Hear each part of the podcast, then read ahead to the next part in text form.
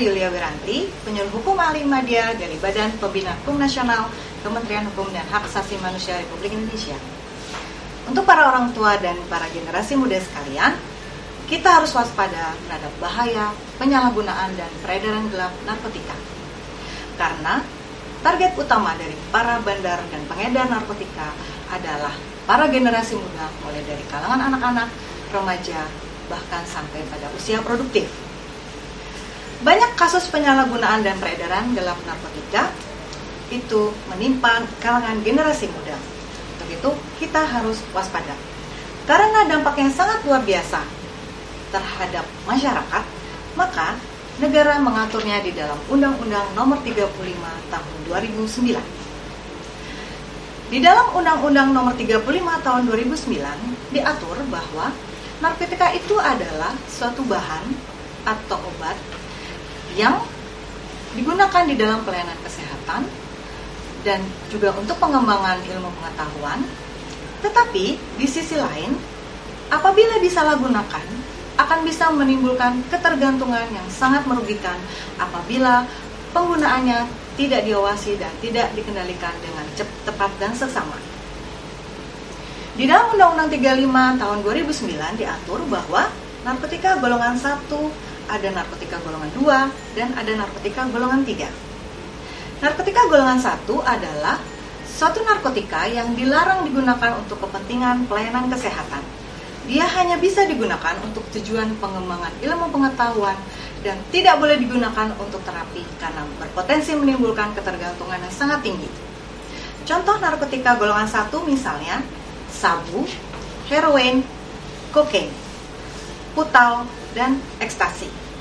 Sedangkan narkotika golongan 2 adalah narkotika yang dapat digunakan untuk pengobatan sebagai pilihan terakhir dan juga dapat digunakan terapi dalam dalam dosis yang terbatas serta dapat digunakan untuk tujuan pengembangan ilmu pengetahuan.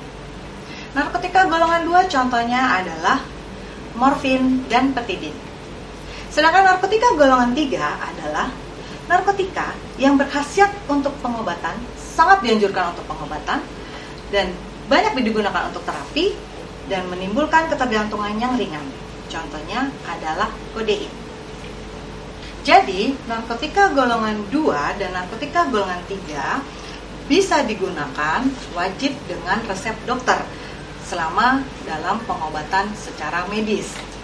Oleh karena itu, bagi orang tua atau wali pecandu narkotika yang belum cukup umur Berdasarkan ketentuan di dalam Undang-Undang Narkotika, wajib melaporkan anak pecandu narkotika yang belum cukup umur tersebut kepada rumah sakit, puskesmas, atau pusat lembaga rehabilitasi medis dan rehabilitasi sosial yang ditunjuk oleh pemerintah berdasarkan undang-undang. Sedangkan bagi para pecandu narkotika atau penyalahguna narkotika yang sudah cukup umur wajib melaporkan dirinya kepada puskesmas, rumah sakit, atau pusat rehabilitasi sosial dan rehabilitasi medis yang ditunjuk oleh pemerintah berdasarkan undang-undang. Oleh karena itu, dibutuhkan peran serta aktif dari masyarakat untuk memberantas atau mencegah terjadinya penyalahgunaan dan peredaran gelap narkotika yang terjadi di negara kita. Contohnya misalnya, masyarakat bisa melaporkan adanya dugaan terjadinya penyalahgunaan atau peredaran peredaran gelap narkotika kepada pejabat yang berwenang atau kepada Badan Narkotika Nasional untuk bisa ditindaklanjuti. Oleh karena itu, kami berharap warga masyarakat dapat berperan serta aktif di dalam pencegahan, pemberantasan, dan penyalahgunaan narkotika. Dan ingat bagi generasi muda, say no to drugs dan jauhi narkoba. Nah, untuk mendapatkan informasi hukum lebih lanjut, silakan klik. Terima kasih.